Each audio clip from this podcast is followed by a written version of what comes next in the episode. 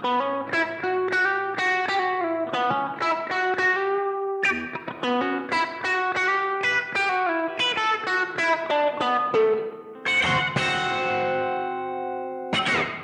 semua, balik lagi ke podcast Candi Investasi.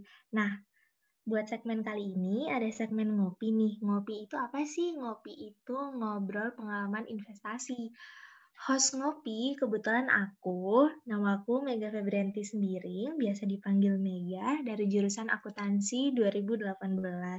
Nah, di KSPM sendiri, aku itu menjabat sebagai Kepala Divisi PMK atau Pengabdian Masyarakat dan Kerjasama.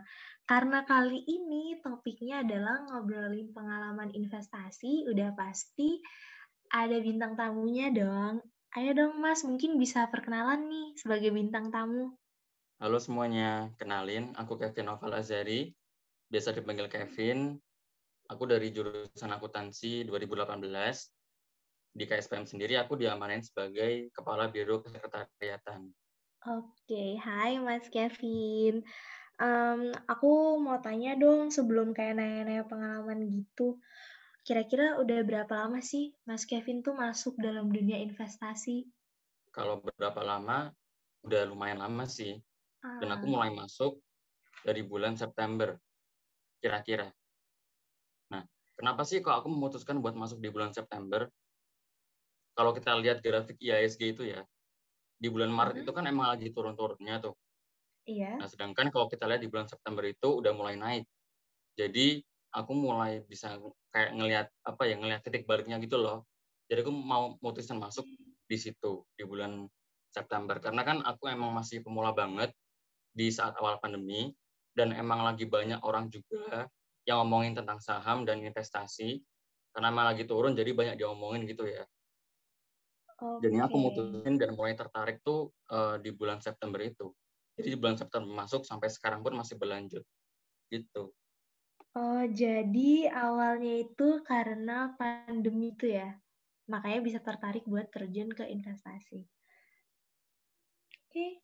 Iya, uh, dulu tuh Mas Kevin tuh kalau belajar investasi itu dari mana sih? Maksudnya dari buku atau dari YouTube-nya siapa gitu? Atau dari media sosial? Gimana sih Mas? Dari mana sih kalau boleh tahu?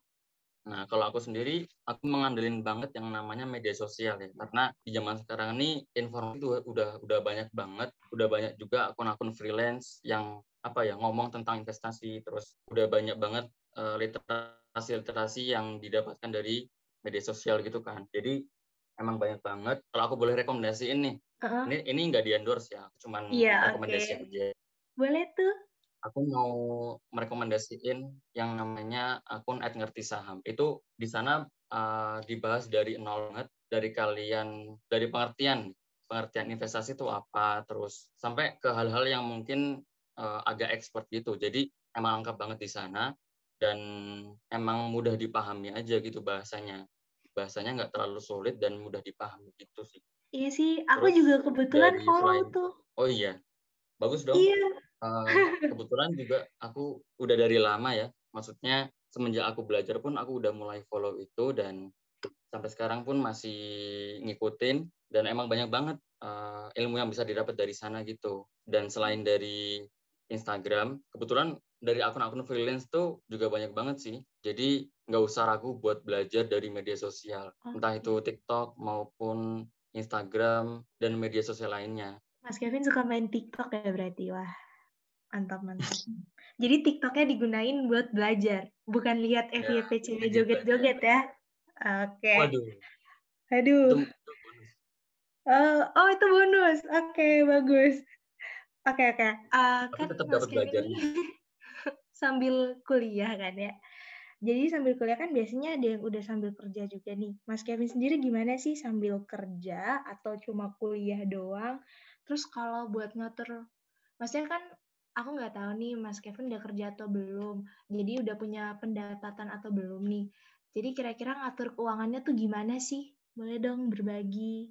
Nah, ini juga salah satu hal yang penting nih. Karena banyak orang-orang yang ngomong investasi itu jadi kadang ya kadang tuh hal-hal yang sifatnya harus didahulukan kayak uang darurat, terus mungkin asuransi atau kebutuhan pokok lainnya tuh didulukan sebelum kalian memutuskan buat investasi. Karena uh, kita sebenarnya tuh nggak investasi pun tetap hidup gitu loh. Jadi uh, itu salah satu apa ya pendapatan pasif atau in, pasif income. Jadi itu bukan hal yang penting banget. Yang tapi yang jelas yang utama harus dipenuhi memang kebutuhan pokok dulu. Kebutuhan kalian bisa makan, bisa punya tempat tinggal, bisa punya baju dulu, baru kalian bisa investasi dan siapin dana darurat juga. Uh, kadang aku kan kemarin lihat tuh kayak ada tuh kasus yang investasi pakai uang SPP sekolah ah, atau investasi pakai iya. uang asuransi misalnya. Itu kan penyalahgunaan kan. Jadi uh, perlunya kalau aku kasih aku aku boleh kasih saran nih sebelum kalian memutuskan buat investasi itu kalian belajar dulu ilmu financial planning atau ilmu perencanaan keuangan itu penting banget sih apalagi uh, bagi kita yang yang masih mengandalkan dari orang tua misalnya dikasih sejuta per bulan. Itu kan ya aku nggak bilang itu gede sih nggak kecil banget juga. Jadi gimana caranya uh, dengan sejuta per bulan itu kita bisa memenuhi semua kebutuhan kita gitu. Pokoknya dari kebutuhan primer dulu baru ntar sekunder habis itu baru tersier kalau masih ada uangnya. Kalau udah sisa baru nanti mungkin bisa dimasukin buat investasi. Yang penting yang jelas adalah kalian harus punya alokasi-alokasi sendiri buat nanti uh, memenuhi kebutuhan pokok kalian baru kalau seperti dana darurat atau mungkin asuransi atau hal-hal lainnya baru nanti investasikan uang kalian itu. Oh. Nah, kalau aku sendiri aku belum kerja dan belum punya pendapatan tetap, jadi aku emang masih mengandalkan banget dari orang tua. Oke, okay, oke. Okay. Uh, eh, berarti itu intinya Pertama, kalau kita punya duit, harus nyukupin dulu nih kebutuhannya kita yang utama. Terus habis itu yang kedua, kalau masih ada sisanya, duitnya dipakai buat dana darurat, alias ditaruh di tabungan atau asuransi. Nah, nanti kalau ada kelebihannya, baru terjun ke investasi. Gitu nggak sih maksudnya? Iya, benar banget. Supaya ya supaya tertata aja sih kehidupan keuangan kalian dan kalian tuh bisa pakai uang dingin gitu loh ya jangan mentang-mentang saham bisa naik secara cepat misalnya ya naiknya cepat tapi turunnya juga cepat. Makanya uh, kalian sebelum melakukan sesuatu hendaknya tuh kalian belajar dulu gitu loh gimana sih risiko-risikonya. Terus ntar kalau misal rugi ada backup uangnya apa enggak? Jadi uh, pakai uang dingin aja. Uang dingin itu maksudnya uang yang udah bener-bener sisa dari kebutuhan kalian gitu. Oke. Wah mantep banget nih.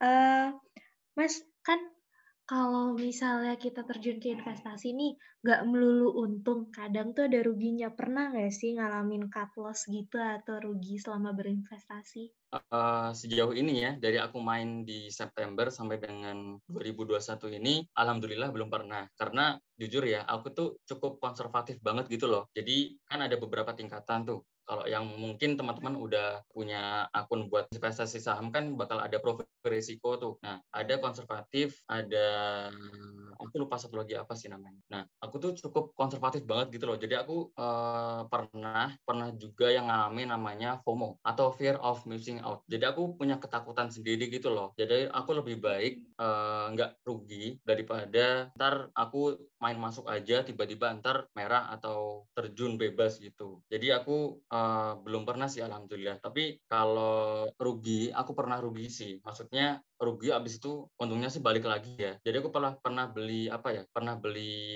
aku nyebut merek nggak apa-apa ya. Aku pernah beli boleh, saham aneka tambang. Itu kenapa aku beli itu karena waktu itu kan masih ada sentimen yang Tesla mau investasi di Indonesia kan. Nah, yeah. jadi itu menarik tuh. Itu kan langsung tajam tuh sahamnya aneka tambang kemudian PT Timah itu tuh langsung melesat gitu loh. Nah aku kebetulan udah mau di pucuk baru beli. Nah akhirnya eh, aku cuma dapat gain yang sedikit dan itu tak biarin. Sama akhirnya dia turun lagi. Nah turun cukup dalam sih. Tapi akhirnya eh, sekarang udah aku jual. Jualnya aku nggak untung nggak rugi sih. Jadi eh, bener-bener nol gitu omongannya. Karena eh, ya itu ketakutanku di saham kalau aku pernah ngalamin yang namanya fear of missing out atau FOMO biasanya. Itu hmm. bahasa kerennya takut kehilangan sih sebenarnya. Nah, tapi seiring berjalannya waktu, aku bisa mulai apa ya? Mungkin ag agak toleran gitu ya. Kalau misal emang sekarang belum stabil ya udah masuk aja dulu. Kalau prinsipku nih, kalau sekarang-sekarang kan kita belum bisa menemukan apa ya kepastian di dunia saham kan. Kayak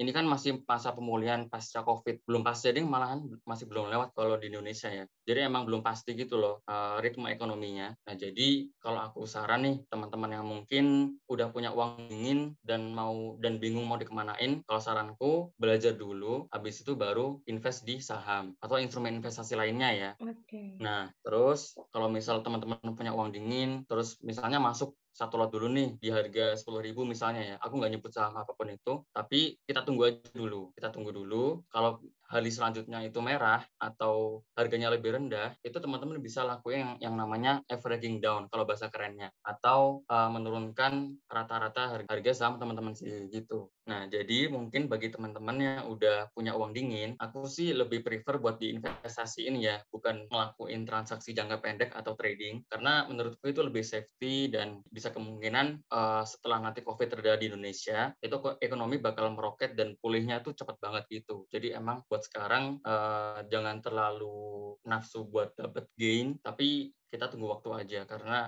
kalau kita belajarnya benar dan kita milih instrumen investasinya benar atau emiten juga yang benar itu nanti percaya bakal balik. Meskipun itu dalam jangka waktu yang cukup lama ya. Jadi itu sedikit kalau dari aku gitu sih. Um, karena udah cerita-cerita pengalaman dari Mas Kevin nih sebelum nutup segmen ini ada nggak sih pesan dari Mas Kevin sendiri buat investor yang baru? Nah kalau dari aku buat teman-teman yang mungkin habis dengar podcast ini mau mulai, aku mau pesan aja uh, belajar yang banyak aja sih. Uh, literasi, perbanyak literasi, uh, gimana caranya menentukan MBTN yang tepat buat kita berinvestasi, atau mungkin nggak nggak harus saham ya, investasi kan banyak tuh, bisa emas, bisa reksadana, Benar. dan lain-lain. Intinya apa pun apa pun itu investasinya, yang harus kalian tahu itu risikonya. Kayak misal saham tuh risikonya ya capital loss atau mungkin amit-amit perusahaannya dilikuidasi. Itu karena harus benar-benar tahu risikonya dari awal sebelum kalian memutuskan buat masuk. Karena kalau kalian cuma ikut-ikutan tren ikut-ikutan influencer yang dalam tanda kutip di endorse sama emiten itu nggak mencerminkan emiten yang bagus kalau dengan mengendorse seseorang. Apalagi kalau mereka punya track record yang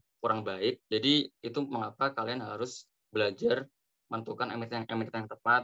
Terus yang kedua uh, financial planningnya juga di, diterapkan juga. Mau teman-teman masih dapat tamu dari orang tua maupun udah udah part time maupun udah kerja udah punya pendapatan tetap itu bisa banget diterapin. Terus kalau emang teman-teman lagi turun-turunnya nih lagi turun-turunnya semangat buat berinvestasi itu aku saranin buat inget tujuan teman-teman investasi itu apa. Jadi mungkin dari aku itu aja sih oke kayaknya sekian ya dari segmen kita kali ini, segmen ngopi, ngobrol pengalaman investasi bareng Mas Kevin. Um, makasih buat semua yang udah mau dengerin podcast ini. Maaf ya kalau dari aku ataupun Mas Kevin ada salah-salah kata nih misalnya. Soalnya kan kita emang banyak kekurangan ya. Kesempurnaan hanya milik Tuhan. Ya. Oke. Okay. Sampai bertemu di podcast Candi Investasi di segmen lainnya dan juga di segmenku ya, segmen ngopi. Bye-bye semuanya. Bye-bye semuanya.